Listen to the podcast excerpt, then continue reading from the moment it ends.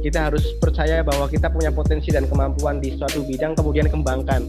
Caranya tadi dengan berlatih berlatih berlatih. Kita disuruh sama panitianya itu bukan cuma sekedar masang ini doang masang karya doang cuma harus ditulisin harganya juga gitu. Karena kata beliau itu zaman sekarang itu kita harus berperang ya harus pada medannya. Antara nambah dan murojaah itu setiap hari harus ada harus ada. Jadi misalkan ini kan ada 24 jam Halo Sobat Kalam, kembali lagi di Kalam Biru Podcast. Uh, kali ini kita udah bisa collab ya, ini collab pertama nih. uh, collabnya bareng podcast Ngobrolin Buku yang dimotori oleh Kak Zahro. Kak Zahro kayaknya udah terkenal di Konfakdis ya? Kenal. Halo Kak Zahro, apa kabar? Halo, Sol, apa kabar? Thank you banget ya, udah ngundang nih. Ahalah. kita kayaknya lama nggak ketemu ya. Oh, itu bahas basa-basi banget sih. Padahal baru ketemu minggu lalu. iya lama lama nggak ketemu sebelum minggu lalunya ya kan. Udah dua tahun, tahun Sol. Lebih, dua tahun. Dua LDR tahun. kita. Ya, basa, basa basinya baru sekarang. Oke, jadi malam ini kita bakal ngobrolin karena uh, kita collabnya sama podcast yang ngobrolin buku, jadi kita ngobrolin tentang buku juga. Uh, sebelumnya sebelum itu uh, mungkin ke perkenalan dulu kali ya podcast ngobrolin buku itu apa sih kak? Um, Sebenarnya ini iseng ya iseng. Jadi dibuat tahun 2020. Udah lama sih, cuman nih episode baru 28 gitu. Um, okay. Dari awal corona itu berarti aku buat setelah lebaran lah Agustus karena kayak aku kangen ngobrol sama orang. Aku kan orangnya ekstrovert ya. Jadi yeah, mendapatkan yeah, yeah, yeah. energinya itu dengan ngobrol. dong. Kirain ambivert nih. oh ya, sekarang ada tengahnya ambivert ya. Iya, ada tengahnya dong ambivert. Harus dipakai juga tuh istilah. Jadi um, kangen ngobrol diskusi sama teman selama di kampus kan ya diskusi, beda buku, tiap misal beberapa hari dalam satu minggu tuh ada pasti ada ya pasti ada kayak adalah. Itu jadi sombong nih kan. ya, itu penting disampaikan ya kayak Gus Baha lagi. Iya penting iya untuk iya. Disampaikan iya. kalau pas jadi mahasiswa itu ya memang yang dikerjakan adalah ya belajar, diskusi gitu. Nah, eh, waktu itu aku kayak pengen ngobrol sama temen tapi soal ngobrolin buku gitu karena eh, beberapa teman deketku akhirnya aku punya circle lah pertemanan yang bagus gitu dalam penguatan literasi. Jadi beberapa temanku tuh aku tawar, eh aku pengen deh punya podcast ini gitu. Terus hmm. boleh deh ayo gitu kita coba. Jadi beberapa temanku yang uh, setuju akhirnya aku ngerasa kayak dapat dukungan gitu beberapa teman boleh deh ya walaupun mungkin ya lima enam orang gitu itu kan termasuk banyak ya menurut aku kalau didukung soal yeah. itu terus ngobrol-ngobrol akhirnya oke okay deh jadilah gitu. Waktu itu aku rekamannya tuh ala-ala doang. Jadi beneran kayak nggak pakai kayak gini clip on gini. Jadi suaranya masih berisik-berisik hmm. gitu kan. Terus alhamdulillah akhirnya disarankan untuk bikin Instagram sendiri. Jadi ya udah oh bikin. iya. Sosmed sendiri ya udah punya ya, sosmed ya? Sudah nggak nggak digabung sama Instagram pribadi. Biarin lebih teratur dan lebih rapi. Dan ya alhamdulillah walaupun sempat hiatus beberapa bulan karena skripsi tapi seterusnya ada aja tiap bulan lah satu episode dari buku sendiri dari buku bacaan sendiri atau collab sama teman Oke, berarti itu udah jalan setahun ya kak? Ya, udah berarti malah udah kalau misalnya tahun depan ya, tahun depan udah bulan depan ya, ya udah setahun ya. setengah lah tahun oh iya setahun setengah iya benar sih Nah, itu masih ingat nggak uh, buku yang pertama kali diobrolin tentang apa? Bukunya waktu itu karena lagi di rumah ya, jadi yang di rumah kan novel-novel lama. Uh, Sebenarnya buku yang udah dibaca sih, kayak novel Andre Hirata. Waktu itu aku ngobrolin oh. bukunya hmm, atas uh, Padang Bulan, bukan Andre Hirata. Oh iya, Padang Bulan. Aku punya tuh yang itu yang kedua bukan sih? Eh? Iya, setelah ini setelah cinta dalam gelas terus padang bulan jadi itu aku punya cinta dalam padang bulan nggak Dwi Logi salah satu dari keduanya iya gitu. Itu trilogi bukunya? Dwi Dwi. Jadi padang bulan oh, Logi. oh cinta dalam gelas. Gitu. Oke. oh iya aku punya itu. Kemarin beli di Jogja buku itu. Itu ngobrolin sendiri eh, ngobrol kalau sendiri nggak ngobrol ya? Iya review sendiri. Itu review, Review sendiri, sendiri, oh. buku itu. Baru Terus pas- yang pertama sama siapa? yang pertama sama temen ada di komunitas aktivis peneleh. Waktu itu ngobrolin bukunya. Apa sih? Lupa deh. Yang penulis itu loh buku 5 senti nah itu kita ngobrolin 5, buku. cm. Ya, Novel juga berarti ya. ya ngobrolin novel terus eh, waktu itu judulnya eh bukan bukan yang kedua itu Ronggeng Duku Paruk maksudnya pertama collab itu Ronggeng Duku Paruk waktu itu sama Rifki tau nggak yang waktu itu mentor di kelas nulis kita yang ketua Oh, LPM? Rifki, ke- ah, Bang Rifki ketua LPM. ya dia ngomongin Ronggeng Duku Paruk ya itu lumayan lah setengah jam terus ngobrol lagi tentang filologi jadi buku-buku novel agak berat nah yang kedua itu Iya. filologi tentang filologi terus Islam kosmopolitan sama temen Gus Wah, itu berat banget sih. terus baru ngobrol kenapa, ken- kenapa Mbak Zara sukanya ini ya? Sukanya yang berat-berat ya? bukan sih kebetulan emang dapat temen yang ya daya intelektualnya bagus Bacanya jadi itu. iya bacanya, Bacanya jadi itu. ya itu Hmm. Oke. sebenarnya beragam teman sih beragam Oke. Karena kan buku yang bakal kita bahas ini eh, apa buku-buku yang bakal nanti kita kita urai juga itu kan buku-buku berat semua ya. Eh, dan bacaan yang ada di podcastnya juga kan rata-rata buku berat gitu. Apa emang nggak suka baca bu- buku-buku ringan gitu kak? Buk- Apa ya kayak bukan buku ringan ya. kayak gimana ya? sebenarnya menurut aku setiap orang itu punya fase Hmm. apa ya fase selera bacaan atau ya tadi sih tingkat baca ya fase selera bacaan waktu eh, waktu SD itu ya paling ensiklopedia ya karena masih banyak gambar terus Mm-mm. SMP itu lebih ke buku-buku Islam kayak buku sama Oh sama orang tua kayak gitu terus Oh, iya, iya, iya, cerpen iya biasanya Iya dulu iya waktu iya iya. waktu SMP. Jadi lebih ke motivasi lah, motivasi juga Mm-mm. gitu. Terus SMA itu eh, baru karya sastra kayak bukunya Seno Gumira, terus bukunya siapa yang udah ya Allah, siapa yang meninggal itu yang collab sama sana Sapardi gitu. Terus Ah, Pak eh, Sapardi. karena aku anak bahasa sih jadi dulu bacaan sebenarnya nggak banyak-banyak juga sih. Ya itulah buku-buku novel paling novel Oke. pesantren biasa anak-anak pesantren dulu. Karena Ah, Lima menara. Ya, Lima Menara. Lima Menara dulu aku baca pas belum mondok, pas SM, Oh, SMS gitu.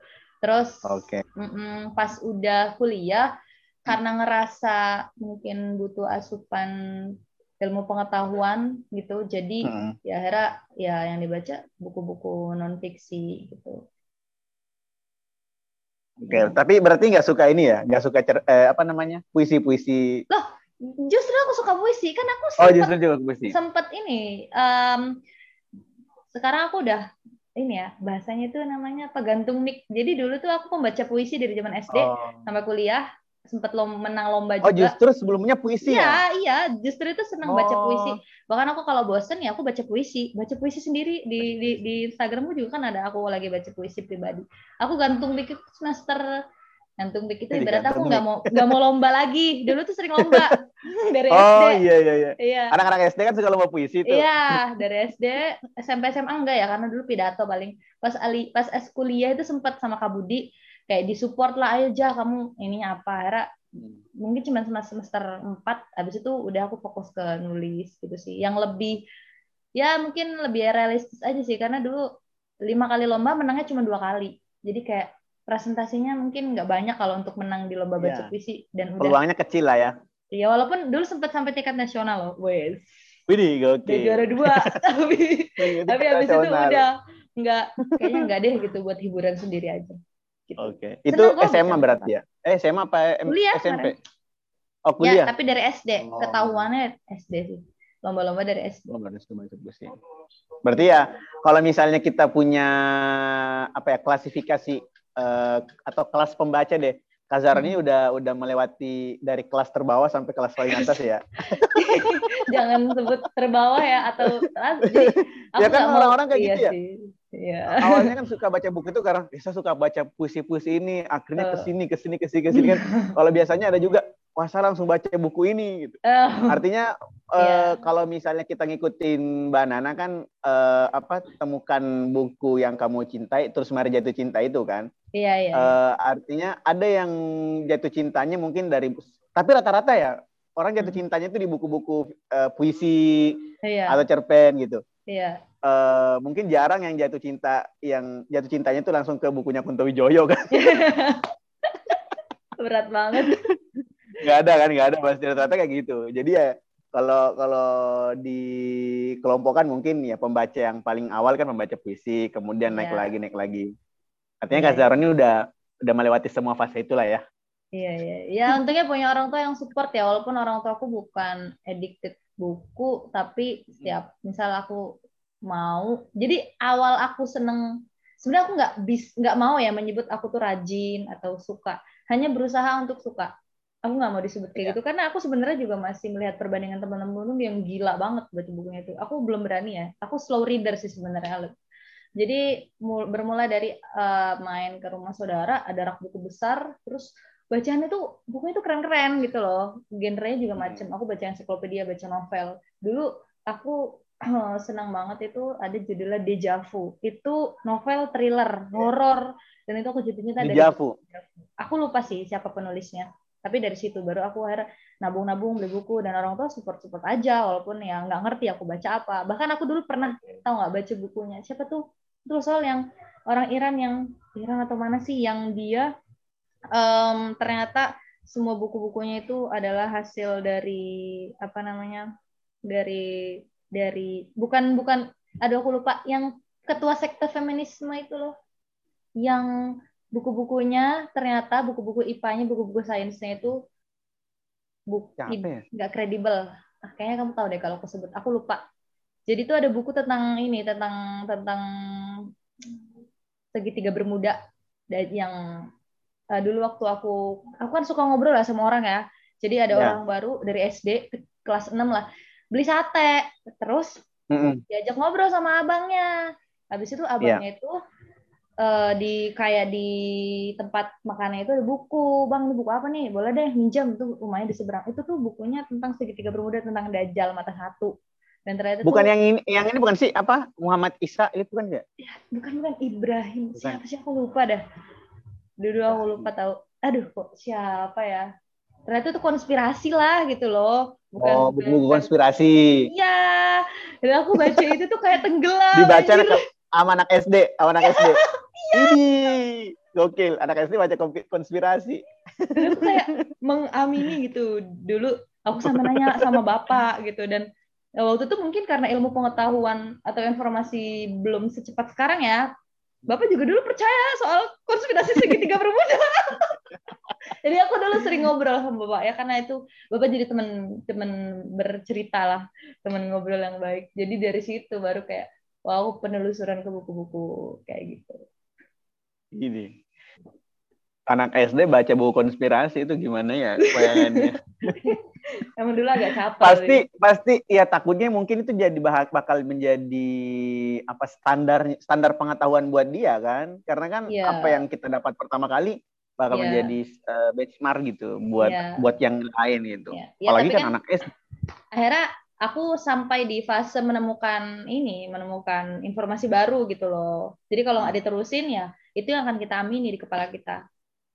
Iya. Oh berarti kapan tuh pas sadar kalau itu buku konspirasi? Pas ini mungkin kayak kuliah semester satu lah atau Oh dua. lama banget ya. lama itu. Kayak aku tuh percaya kalau segitiga bermuda itu ada dan waktu isu-isu ke kapal pesawat apa tuh? Iya ada ada ada. emang. Nah, itu kan Iya. informasinya dikatanya tenggelam di segitiga bermuda. Iya iya benar-benar. Itu ada tuh viral emang. Makanya dan aku ikut percaya karena aku pernah baca buku itu dan pas tahun 2000 berapa kan penulisnya ditangkap dan semua buku-bukunya disita. Itu Buku- orang Indonesia bukan sih? Bukan bukan bukan. Duh, waktu itu ada kok eh, wawancaranya di Vice, Vice itu loh. Yang Di Vice. Eh, eh, eh, eh, yang dia pemimpin sekte feminis itu loh yang perempuan itu semuanya itu di dioperasi dan mukanya sama. Mungkin nanti aku akan research lagi siapa. Oh, oh itu mah sekte. Eh, sekte. Kayaknya aku pernah lihat cuplikannya deh yang iya, Vice. iya, iya. Vice, iya Vice yang sekte feminis kan. Iya, dan buku-bukunya dipakai di beberapa sekolah, anjir, wah gila. Kemendikbud Iya, kita nggak ketat. serius, serius. Tapi nggak apa-apa sih. Maksudnya kan kita juga kan mengkampanyekan dilarang membatasi bacaan. Masa Eh. kayak gitu diprotes? Iya. perjalanan intelektual ya. Iya, gimana sih mau mau mengkapanyekan apa ini? Iya ya.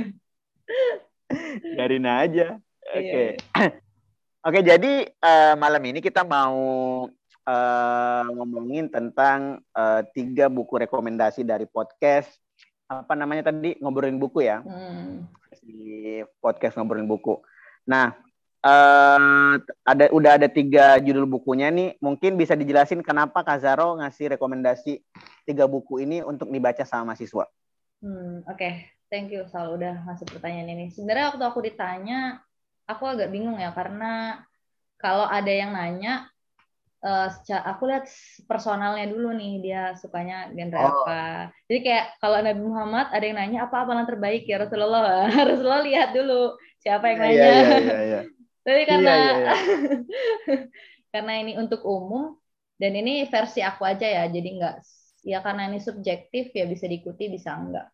Ada tiga buku sih yang menurut aku eh, ya sunnah muakat lah, jangan wajib ya. Nanti kalau wajib yang mau wajib Oh, kan iya. siapa yang meng- mengasih taklif siapa gitu. Eh, dianjurkan untuk dibaca oleh mahasiswa. Eh, pertama yang aku baca itu bukunya Suhoki, catatan harian seorang demonstran. Eh, dia kan kelahiran 40-an ya. Jadi dia hidup di masa pemerintahan Soekarno dan Soeharto gitu. Nah, buku itu pertama kali itu aku baca semester 1 mungkin. Waktu itu aku awal tahu Gi itu dari temenku. Jadi aku tuh punya temen yang unik-unik ya, Sol. Eh, punya temen yang punya pengalaman em, literasi dan intelektualnya unik. Jadi ya temanku ini dulu ngenalin aku tentang Sohoki dari film waktu itu nonton Hmm. pas tiga aliyah kalau nggak salah waktu itu karena udah agak-agak longgar aku nonton itu di YouTube dan setahun kemudian ternyata vid- eh, videonya kayak di banned sih. Udah nggak ada lagi pas aku cari. Akhirnya aku teruskan baca bukunya. Jadi buku catatan harian seorang demonstran karena dia emang bener-bener catatan yang sifatnya em, personal gitu itu tentang kalau misalnya bisa dibagi ya berarti tentang catatan harian dia di uh, mungkin itu kalau dihitung rentang tahun 50-an atau 60-an sampai dia meninggal. Dia kan meninggalnya di usia muda sih. Enggak, enggak 60-an ya. Mungkin aku lupa ya persisnya Iya. dia lahiran 48 atau berapa. Pokoknya mungkin pas lagi dia catatan dari remaja, terus kemudian dia kuliah, terus sebagai aktivis, sebagai em, catatan waktu dia pertukaran pelajar di Amerika, sama ya tentang cinta gitu. Nah, em, aku kira hmm, gini ya, sayangnya aku sayangkan sih sebenarnya di Fakultas Dirasat Islamnya. Tapi sebenarnya aku juga nggak bisa menyalahkan ya. Kalau emang eh, teman-teman di Roset itu eh, circle pertemanannya cuma di dalam, mungkin nggak tahu tentang bukunya Gi. Padahal Hmm. kalau aku keluar ya, hampir semua temanku udah baca sih. Yang nggak semua teman, tapi teman-teman yang emang tekun di literasi, pasti dia udah baca buku ini sebagai buku pertama atau buku yang harus dibaca sama mahasiswa gitu. Jadi Hmm. sebenarnya aku perlu melihat em, hasil bacaan buku ini dari teman Derosat karena atau dari teman yang mengkaji secara keislaman. Jadi waktu itu em, yang memang sih karena dia sifatnya buku harian, jadi kan sifatnya personal gitu membahas tentang eh, keresahan dia soal agama gitu. Terutama waktu dia jadi mahasiswa, dia mempertanyakan kenapa teman-temannya yang masuk di kelompok Islam ya ormek Islam Hmm. itu heeh, tapi men- menjadikan agama sebagai tunggangan politik kayak gitu terus Heeh. gitu orangnya kan dia darah Tionghoa ya dan Tionghoa itu punya Iya, em, heeh. sentimen sendiri ya maksudnya didiskriminasi lah di negara kita bahkan bukan cuma di negara kita sih tapi juga di negara lain dan aku nggak tahu sih belum tahu sejarahnya kenapa Tionghoa punya punya punya apa namanya dapat sikap diskriminasi ter- tertentu dari negara dari orang-orang gitu. Aku nggak aku belum tahu. Hmm. tapi Gi sebagai orang darah Tionghoa itu punya kepercayaan diri yang tinggi walaupun dia dia sering dikatain Cina kayak gitu. Hmm. Em, dan terus eh, tentang catatan tentang eh, kediktatoran Soekarno dan Soeharto dia juga catat di situ dan juga tentang kekecewaan dia terhadap teman-temannya yang dulu menjadi aktivis bareng pas masuk ke dunia politik justru jadi lupa gitu sama tugasnya sebagai politikus. Eh, apa namanya? Kalau dari perspektif teman peneleh ya eh, yang mengikuti ideologi Pak Cokro, Gidis itu kan nggak suka banget sama Soekarno. uh, benci banget dulu aku ya dulu karena waktu itu di fase aku masih ya masih punya bacaan yang tunggal jadi ya aku ikut ikutan gitu nah gitu Hmm. sebagai mahasiswa itu kritis sebenarnya nggak ikut ikutan cuman dari perspektif teman-teman peneleh yang memang berkiblat sama ideologinya Pak Cokro ya Mm-mm. anak aktivis peneleh nggak suka sama Gi bukan nggak suka ya bukan nggak suka secara keseluruhan tapi beberapa eh, pandangan Gi yang nggak suka sama Soeharto itu ya juga tidak disukai oleh teman peneleh karena Soeharto kan murid Hmm. pentolannya Pak Cokro kayak gitu itu bukunya. Gi yang pertama Berarti yang pertama catatan seorang Iya, demonstran catatan bukunya. Sohogi. ya Catatan harian seorang demonstran. Ini kan eh, dari judulnya kan terlalu personal berarti ya kan. Eh, Iya, iya, iya. Terlalu subjektif lah pasti pandangannya. Ya, betul. Tapi kenapa sampai direkomendasiin buat dibaca sama mahasiswa gitu? Dan memang rata-rata kalau kalau dengar-dengar ya, aku juga belum baca sih. Aduh, minat literasiku ter- terlalu kurang gitu. belum, belum. Eh, eh, maksudnya kan kalau mahasiswa tuh pasti buku yang dibaca, buku wajib lah. Hmm. Madilog gitu, bukunya Hmm. Gi. Iya, itu iya. kenapa sih eh, harus dibaca? Padahal kan dia kan sangat-sangat personal gitu. Iya, iya. Oke. Kalau Madilog aku jujur belum baca ya. Dulu sempat ikut Iya, iya. diskusinya, cuman belum sempat sampai baca sendiri. gitu. Kalau Gi, Hmm. eh, pertama, karena Gi ini kan seorang mahasiswa yang kritis ya, yang bahkan sampai sekarang Oh, Oke. eh, pemikirannya juga dia diabadikan lah. Dan orang mendorong mahasiswa untuk baca itu karena Gi itu menjalankan apa yang ia yakini cara penuh dan matang. Jadi bukan mahasiswa yang ikut-ikutan. Yang apa-apa Oke. kisru ikut-ikutan, ada isu tertentu ikut-ikutan demo, ada kisru tertentu ikut-ikutan sok menyuarakan di media sosial. Oke. Nah, ada momen di mana gitu diem aja kalau misal ada isu tertentu yang ramai di kampus. Padahal teman-teman minta Gi untuk bergerak, Oke. tapi Gi, Gi sadar nanti akan selesai lah pada waktunya gitu. Da- Ada momen ketika orang nggak bergerak, tapi Gi bergerak sendirian. Jadi Gi itu orang yang percaya berdiri di atas pikirannya sendiri gitu. Nah itu Oke. terus dia itu kritis dan yang paling berat buat buat Gi menurut saya tuh ya karena dia berdarah Tionghoa dan dulu kan diskriminasi terhadap Oke. Tionghoa ya Iya, di era sebelum Gus Dur Hmm. itu keras banget dan Gi percaya bahwa dia sebagai orang Tionghoa yang pribumi ya kalau ngomong pribumi sih nanti definisi ke mana-mana siapa yang sebenarnya pribumi Hmm. benar-benar pribumi tapi Gi iya. melawan eh, stigma tentang Tionghoa itu benar-benar berani percaya diri itu sih karena karena itu ya walaupun sifatnya personal artinya dia mengenal dirinya sendiri memang kan kalau kita Hmm. mau mengenal diri sendiri ya mencatat ini bu- buat punya catatan harian ya kalau aku pribadi Iya, iya. dari dulu berarti aku udah 10 tahun menjalani journaling hampir setiap hari nulis apa yang ada di pikiran apa yang ada di perasaan biar kita kenal sama diri kita sendiri Oh iya benar benar benar. Journaling ya, iya benar sih ya. Rata-rata kan eh, penulis-penulis kan nggak rekomendasinya kayak gitu. Tulis aja di, eh, di buku harian atau apa ya gitu kan. Buat nah. refleksi. Iya, refleksi bener. Jangan di status doang ya, so panjang-panjang status itu lupa. Kalau eh kalau di status itu bukan nggak bukan cuma Bukan nulis refleksi. doang, maksudnya ada ada inte- ada Iya intensi sih, lain itu. Betul. Oh, ada ada di-notice dan tujuan lainnya. Maksudnya kan nulis status. kalau ya kalau mungkin di Facebook mungkin akan terkenang ya, tapi kalau misalnya kita nulis di buku pun yang sifatnya personal, kita akan menengok diri kita di beberapa hari yang lalu, sebulan yang lalu kita seperti apa. Iya benar benar. Nah gitu kayak gitu. Aku melihat dia eh, pertumbuhan perkembangan pemikiran lagi di buku catatan harian seorang demonstran. Apalagi misal yang soal eh, pas kisah asmara kayak gitu. Itu soal agama sih. Jadi em, aku nggak tahu ya sebenarnya mungkin secara KTP dia itu Kristen, tapi secara keyakinan dia sebenarnya kayaknya agnostik deh. Soalnya dia nggak percaya Hmm. sama aturan agama gitu. Terus juga Ya gitu fase-fase inilah ya mahasiswa lah ya. Ya. Iya. Uh, terus Gi juga uh, benci sama politik, bener-bener benci sama politik praktis. Pokoknya dia tuh melihat politik itu sebagai kubangan lumpur yang kalau kita nyemplung ya kita akan kotor. Kayak gitu. Oke, Ya, itu dia melihat itu karena pengalaman teman-temannya lah. Kayak gitu. Oke, yang berarti yang pertama buku catatan harian eh, apa tadi? demo. Iya, oke. Dari Sohogi. Kemudian yang kedua apa nih, Kak? Yang kedua uh, Bumi Manusia. Uh, Bumi Manusia itu novel lah. Dia memang fiksi. Tapi novel-novel Pram itu kan berangkat dari sejarah. Jadi artinya novel ini merepresentasikan sejarah pada masa itu. Ya, semua karya Pram itu walaupun sifatnya fiksi, uh, memang itu mewakili um, sejarah pada masa itu. Realitanya. Ya, realitanya. Kayak novel-novel Pokemon Dasari, Lelo Kodori, novel-novel yang nggak cuma fiction gitu loh. Nah, hmm. uh, novel Bumi Manusia ini kan tetralogi sih sebenarnya. Uh, aku baca waktu semester berapa ya? Tiga sih, dua ketiga semester dua ketiga ketiga yeah.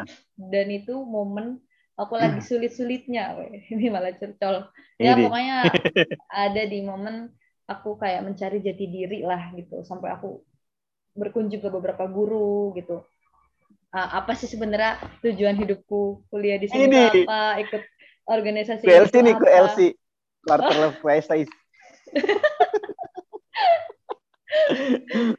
iya benar uh, quarter life crisisnya lebih iya tadi sih soal ideologi yang aku pegang ini sebenarnya yeah, yeah. bener apa enggak nah jadi ini, itu gokil. juga bagian dari ini sih perjalanan uh, ideologiku yang waktu aku baca, abis baca buku Gi juga aku kayak merenung oh, gitu kayak merenung iya ya gue misalnya baca-baca diskusi nih sama orang tapi gue nggak punya hmm. empati nggak punya rasa belas kasih sama orang lain itu buat oh, apa gitu iya. gue nggak punya aksi apa apa buat kebermanfaatan orang lain itu buat apa gitu hmm. nah terus baca bumi manusia itu nah itu kan novel di era ini ya Hindia Belanda waktu itu menggambarkan tentang uh, penjajahan uh, bangsa kita yang uh, dan sampai sekarang menurut aku kita masih punya sifat inlander ya di kepala kita jadi melihat bangsa lain itu bangsa yang lebih hebat gitu. Jadi kita bangga yeah. banget hmm. gitu sama orang luar, kita seneng hmm. uh, kalau misalnya kita melihat uh, atau melakukan budaya di luar uh, Indonesia. Nah, um, novel Pram ini mengkritisi itu dengan menokohkan hmm. si kok lupa ya pemerannya siapa sih? Minka, yang... Minka. Ya, Minka. Minka. Nama dia itu aslinya bukan Minka. Minka itu sebenarnya ya ledekan. Minka itu artinya monkey, monyet. Jadi orang Indonesia itu hmm. diledekin monyet. Nama dia itu Tir Tirto. Uh, uh, Tirto Adi Suryo kan? Hmm, Tirto Adi Suryo nama aslinya di novel itu. Jadi ditokohkan lah Minke yang pemikirannya itu nggak sama dengan teman-teman uh, siswa lainnya. Walaupun dia di hmm. dapat privilege bisa sekolah ya. Jadi dia tuh kenapa bisa sekolah di sekolah uh, yang dimasukin sama orang-orang bangsawan dan juga orang-orang ini ya pejabat, anak-anak pejabat. Karena Minke itu kan dia tuh sebenarnya anaknya Gundik. Anaknya Gundik. Terus apa namanya status Gundik itu sebenarnya secara secara administrasi negara itu nggak ada gitu. Nah um, Minke itu punya privilege untuk sekolah ya karena dia tadi anaknya Gundik yang meskipun secara administrasi dia nggak tercatat gitu. Nah pertama aku jadi tahu gitu dulu ternyata perbudakan di zaman itu masih ada. Perbudakan kan dinikahi disetubuhi tanpa dinikahi ya. Dan status yeah. secara administrasi itu eh, nggak uh, ada. Kedua uh, orang Belanda itu kalau nikah sama pribumi itu sebuah aib jadi kenapa mereka melihara hmm. sebagai gundik aja nggak sampai dinikahi karena tadi bangsa kita dianggap lebih rendah daripada mereka. Iya, nah yeah. di novel ini aku rekomendasikan karena tadi kita belajar mengkritisi suatu keadaan di sekitar kita untuk hmm, melihat uh, ada nggak sih misal sistem yang salah gitu. Sama sih hmm, seperti uh, apa yang dituliskan oleh Gi di bukunya Catatan Harian Seorang Demonstran itu. Nah, novel ini juga menggambarkan ya selain soal kisah cinta ya. Jadi kan kebanyakan orang kalau di film itu kan kebanyakan difokusin tentang kisah cinta. Tapi pas difilmkan sama Hanung keren banget sih, tidak mengurangi hmm uh, banyak bagian penting di buku Bumi Manusianya ini. Iya. Jadi, uh, ya kan soalnya kan buku ini juga uh, sempat termasuk buku terlarang ya pas di era-era ya, 90-an gitu kan. Betul, betul. Memang buku-buku perang-perang waktu itu. Iya, ya karena isinya ya itulah tentang uh, mengkritisi ya, Belanda. Mengkritisi apa namanya kayak sistem pemerintahan atau apalah. Intinya yang berusaha melihat dari sudut pandang berbeda gitu. Ya, ya jadi, makanya mungkin itu menyebabkan dia dilarang. Padahal kan cuma cuma bukan cuma sih emang cuma, novel lah. Memang dan memang memang itu wujud dari uh, realita pada masa itu dengan menokohkan Minke yang berani Iya, iya. menyuarakan keadilan tentang strata sosial orang-orang Indonesia dianggap lebih rendah Hmm. padahal mereka yang numpang di kita gitu kok kita yang tuan rumahnya malah mau Iya, iya, benar-benar. terjajah terkungkung pikirannya nah di situ sih terus ya sebenarnya karena tetralogi jadi harusnya ada lanjutan tapi aku belum sempet ada kan ada rumah kaca jejak langkah sama Eh, anak semua bangsa. Anak semua bangsa iya betul. Nah itu aku baru baca satu belum tetraloginya perang tetralogi buru ya kalau nggak salah ininya. Enggak tetralogi buru Tetralogi. lagi nggak sih? Oh oh iya. Iya. Eh emang ya ya? Aku nggak tahu dah kalau tetralogi buru itu. Kalau nggak salah tetra- tetralogi buru di, disebutnya karena mungkin dibikinnya di Pulau Buru gimana ya? Oh kurang paham. Kayaknya sih kurang paham dulu aku baca itu karena random aja kan dulu sering pas musim awal sering ke perpus ya jadi kadang random buku di perpus tuh bagus-bagus sih sebenarnya novel-novelnya gitu perpus mana nih perpus UIN boy bukan FDI ya sorry UIN. Oh. tadi mau nanya di FDA emang ada bukunya Pram ya? Iya. Oke. Eh, satu lagi. Sebenarnya aku jadi kepikiran lagi satu buku yang aku temukan Apa di tuh? FDI. Judulnya dia terjemahan hakikat eh, kebenaran yang hilang. Al Hakiko Al Hakiko Al Ghaibah punya Farak Fauda, penulis dari Mesir. Kayaknya aku harus Ada di rekomendasiin perpus FDI? juga. Ada, tapi nggak tahu sih sekarang. bahasa Arab nggak bahasa, Arab Bahasa nggak? Indonesia. Nemu aja kan aku. kebenaran yang Eh. kebenaran yang Beneran hilang yang ya? hilang, Farak Fauda. Hmm. Nanti aku rekomendasiin Ya, ya, jadi keempat ini. Terus oke yang ketiga apa nih yang ketiga ini apa ya? Satunya aku lupa sih. Yang ketiga, wait wait wait wait. yang ini Andre Hirata Bukan bukan bukan. Yang ketiga itu Yang Padang Bulan, Oh, bumi bukan catatan pinggir ya. Capingnya Oh, caping. Muhammad. oh iya caping caping caping caping Nah, caping ini sebenarnya ada kayak 10 deh. Itu kan tulisan Gunawan Muhammad Tempo ya. Ya dia founder Iya. Tempo, Tempo dan dia punya rubrik sendiri gitu eh, soal refleksi harian.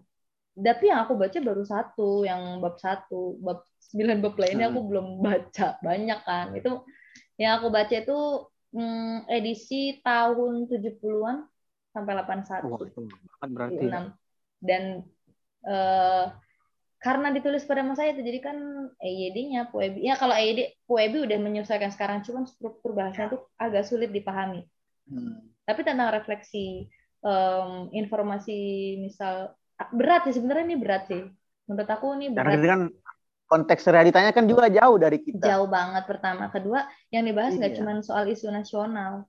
Isu internasional GM ini emang ya agak berat juga. Eh, tapi aku rekomendasikan sih sebenarnya karena itu kan kumpulan esai ya jadi pendek. Iya. ya itu lebih kepada untuk selain ya selain mendapatkan informasi eh, tentang di masa itu kedua untuk pelatihan juga menulis refleksi dari peristiwa yang Hmm. kita lihat dan kita rasakan di masa itu dan juga yang mengetahui informasi pada saat itu sih lebih ke situ ya karena dia kumpulan esai kita misal bisa baca misal satu hari satu setiap pagi kayak gitu. dulu aku baca itu setiap pagi sebelum kuliah aku baca satu baca satu baca satu kayak Hmm. gitu bahkan sampai sekarang pun kalau kita baca eh, catatannya eh, Pak Gunawan itu kan masih agak sulit buat dicerna ya karena kan nah waduh jauh banget sih. berpikirnya ini karena gitu. latar belakang dia ya dan dia melewati iya. melewati banyak eh, periode pemerintahan juga. Gitu. refleksi yang sekarang pun masih agak "Wah, ini gimana gimana sinkronnya sama kita ya? Jauh Iya. banget. Apalagi yang tahu tujuh ta- tahun 70-an waduh Iya, dia filsuf banget sih sebenarnya. ya itu filsuf dan le- penyair ya mungkin lebih tepatnya Iya. penyair gitu Tapi beliau juga kan pelukis. Lengkap sih. Ah, sekarang- ini paket sekarang lengkap. ngelukis sekarang ngelukis kemarin kan pamerannya Salihara kan bikin itu bikin Iya. Oh, Pameran lukisan sih eh, apakah Gunawan, Gunawan. melukis baru-baru ini atau udah lama, aku nggak tahu ya. Cuman memang mungkin beliau, ekspresinya apalagi ya tulisan udah menurutku dia itu versi udah versinya Gusmus, versi lain dari Gusmus. Ah, ah, Melukis, iya, puisi, iya, iya, esai. iya, iya. Ya, Iya iya karena Karya karena rata-rata orang yang suka nulis es- eh nulis puisi itu pasti kan eh ya bisa lah nyempil-nyempil ke lukisan kan. Oh iya. Mungkin karena ya. apa sema- semacam eh, meng apa udah terbiasa mengekspresikan dalam apa yang ada di dalam dirinya gitu. Tapi kan kalau dibentuk visual kayaknya itu udah bakat lama nggak sih GM itu? Iya iya bisa bisa juga. Iya iya. Ya visual bener bener. Tapi tapi GM itu ya tadi sih berat banget. Kalau Gusmus masih bisa nyambung ya karena relate ya Masih bisa. agama gitu. Tapi kalau GM itu Kalau Pak. Gunawan kan belum. Mm-mm. itu lebih tinggi, banget sih. Kalau aku pernah dengar ini deh, mantan pimretnya Kompas itu pernah bilang eh, kan su- tulisannya susah ya, tulisannya beliau susah ya. Kalau Hmm. baca tulisannya Pak Gunawan Muhammad katanya kalau eh, nggak ngerti apa, kalau ngerti apa, kalau nggak ngerti pura-pura ngerti aja, nggak saking susahnya gitu. Biar Iya, dibilang iya. keren. Iya. Karena emang susah susah buat dimengerti gitu. Iya iya iya benar-benar. Iya sih aku juga lama sih baca itu tebel banget kan ada 50-an Ya, mungkin satu satu 50-an. satu jilid caping itu kan lumayan tebel ini, sebuat lumayan bantal. banyak. Heeh, Apalagi iya. 9 jilid. Iya, makanya jadi ya Aduh. bacanya pelan-pelan sih. Dan kadang satu satu essay itu bisa aku baca tiga kali karena nggak paham. Iya iya iya iya kan kan di Tempo sekarang masih ada itu catatan pinggir Nah, iya. di yang digital sering aku lihat oh eh Mas Gunawan nulis apalagi di Facebooknya sih lebih sering di Iya, Facebooknya beliau nulis refleksi tetap susah sih susah dipahami susah Iya, nggak bisa iya, iya, iya. Gitu. jadi tadi ada tiga buku ya kak pertama Iya. eh, catatan harian seorang demonstran Hmm. kemudian yang kedua ada eh, Bumi Manusia dan yang ketiga ada catatan pinggirnya Pak Gunawan Muhammad. Ini kalau dilihat-lihat ya dari tiga buku ini sebenarnya kalau ditarik satu kesamaan itu mungkin lebih tepatnya eh, dari tiga buku ini membuat kita mempertanyakan kebenaran yang selama ini kita yakini gitu atau berusaha untuk mengkritisi apa yang ada di sekitar kita. Jadi jadi eh, kita nggak manut-manut aja sama Hmm. sama yang dikatakan oleh orang, sama mungkin yang Hmm. dikatakan oleh pemerintah. Itu sih yang aku dapat dari Hmm. dari kesamaan dari ketiga buku ini. Iya. Eh, kenapa mungkin harus dibaca sama mahasiswa ya biar mahasiswa itu lebih kritis, mungkin lebih terbuka dan nggak Hmm. manut-manut aja sama sama apa yang dikatakan sama orang gitu. Iya, iya. Sama tadi satu Nah, lagi mungkin, ya, eh, kepikiran apa, Farakoda nih, yang Farakoda tadi. Oh iya, Aku Arak Pauda apa karena ini di FDI jadi aku harus eh, bicarakan. kebenaran yang Iya, apa eh, kebenaran bahasa hakikat? Arabnya al haqiqah al al ghaibah. Kalau yang kamu dengar tentang apa kira-kira? apa ya yang apa nih? Buku ini tentang apa kira-kira? Kalau kamu dengar judul eh, kebenaran yang hilang. Aduh itu masih abstrak sekali sih, nggak ada nggak ada. Kayaknya lebih ke novel sih ya, Hmm. atau kebenaran yang jadi hilang itu apa? Konspirasi. ya, jadi oke kita cerita dulu tentang Farakoda, kenapa buku ini viral. Farakoda ini penulis di Mesir yang melakukan hmm, kritik terhadap pemerintahan Islam di era em, Oke. dinasti keislaman setelah Khulafaur Rasyidin. Dan dia dibunuh, Hmm. ditembak mati oleh jamaah Islamiyah karena menganggap Farakoda itu liberal dan sesat. Itu. Ya, Nah, terus em, akhirnya gara-gara buku itu dia dibunuh gitu. Tapi buku itu akhirnya bers- tetap berhasil diterbitkan. Memang menurut aku Mesir ini agak ini ya. Ya entah ya itu Mesir yang dulu. Kalau sekarang kan dia lebih moderat. Memang kayak beberapa karya eh, soal em, apa namanya buku yang mengkritisi tentang Islam tentang keislam gitu itu sering ditolak di Mesir tapi diterima di Barat kayak gitu. Nah bukunya Oke. Farakoda yang judulnya Al Haqiqah Al yang diterjemahkan jadi kebenaran yang hilang, aku baca nemu di perpus waktu itu. Mungkin karena ada abis yang ada abis ada yang baca ditaruh di yang bagian rak depan deket komputer. Nah, terus aku baca dan di situ di pembukaannya gini. Jangan per- jangan merasa risau jika kamu mengetahui kebenaran. Risaulah jika kamu Iya. mengetahui sesuatu yang selama ini ternyata salah.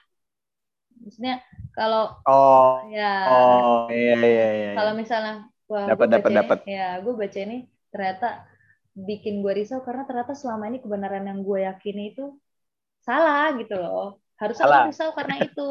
risau karena kamu udah tahu ternyata kebenaran iya, yang kamu yakini itu salah.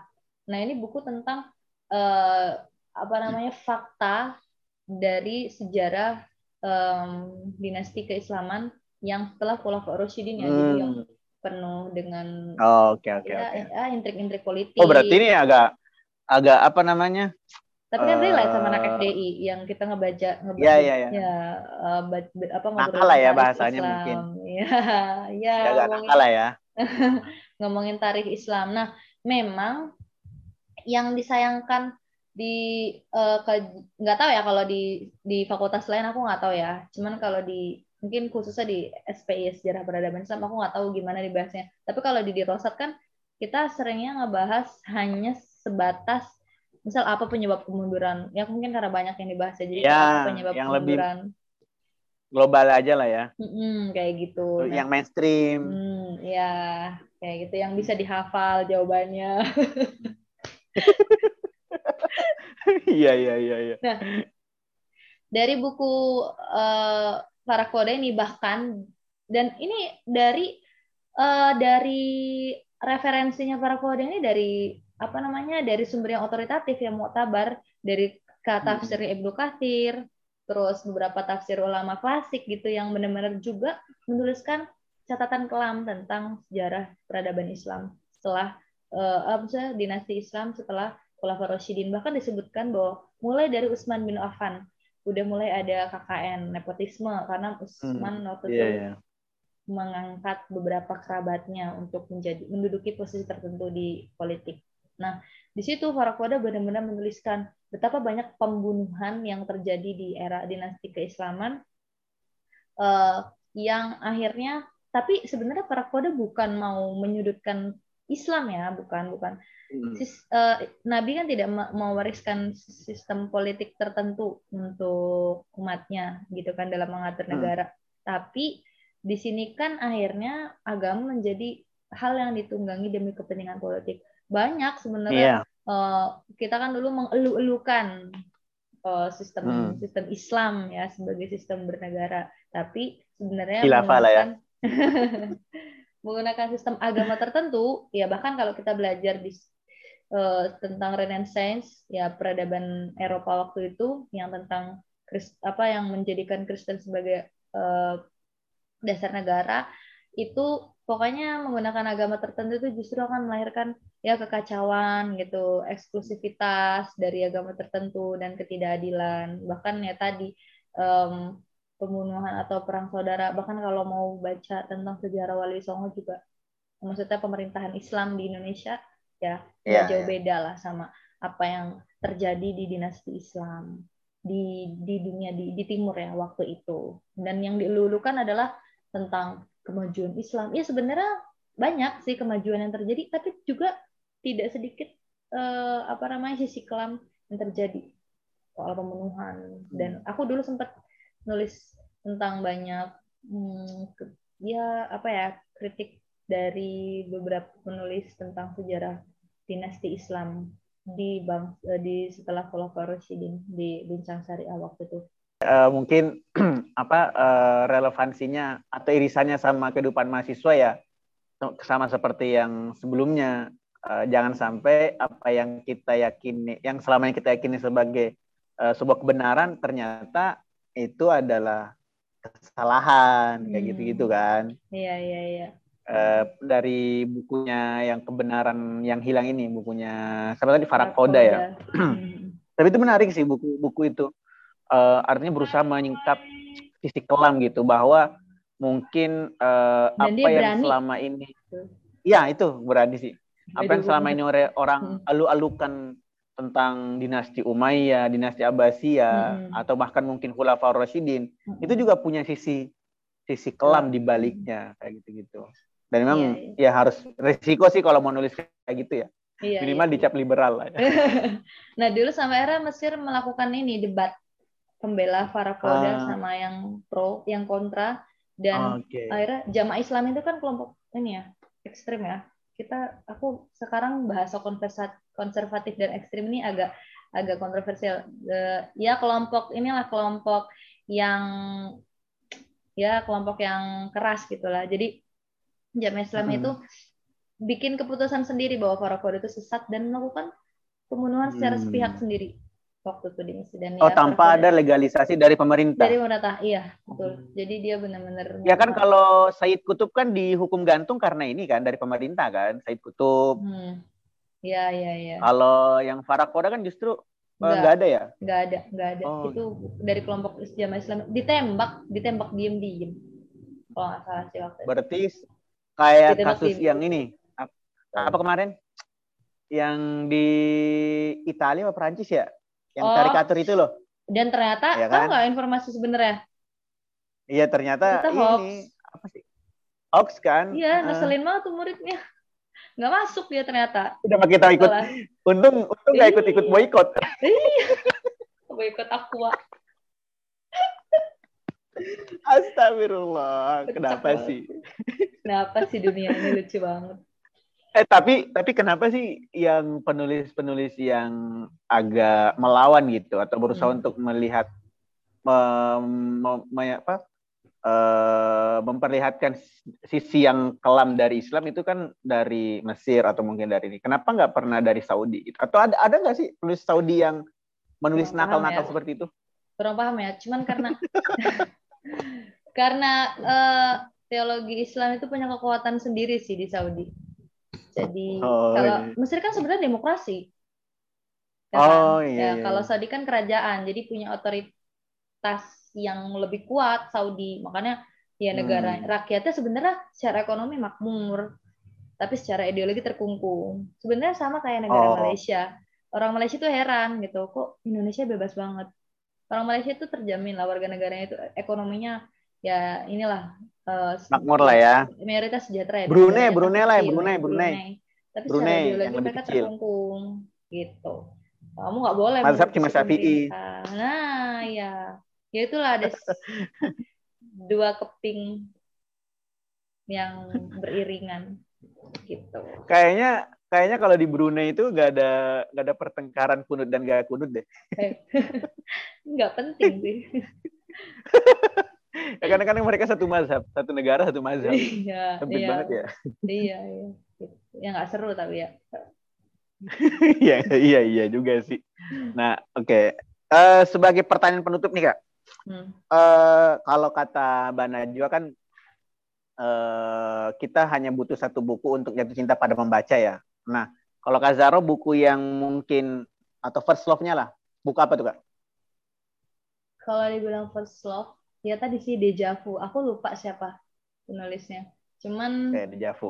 ah, gini ya sebenarnya kita nggak tahu ya seperti kita jatuh cinta sama seseorang anjay Ini, kita nggak tahu kan ini, ini, kapan ini. persisnya ya Oke. kan kapan persisnya itu Iya. terjadi tapi tumbuh beriring waktu kalau misal disebut satu buku saat ini aku bisa bisa jawab dengan judul tertentu misal aku ditanya lagi di lain waktu dan ditanya lagi Oh, orang beda yang lagi.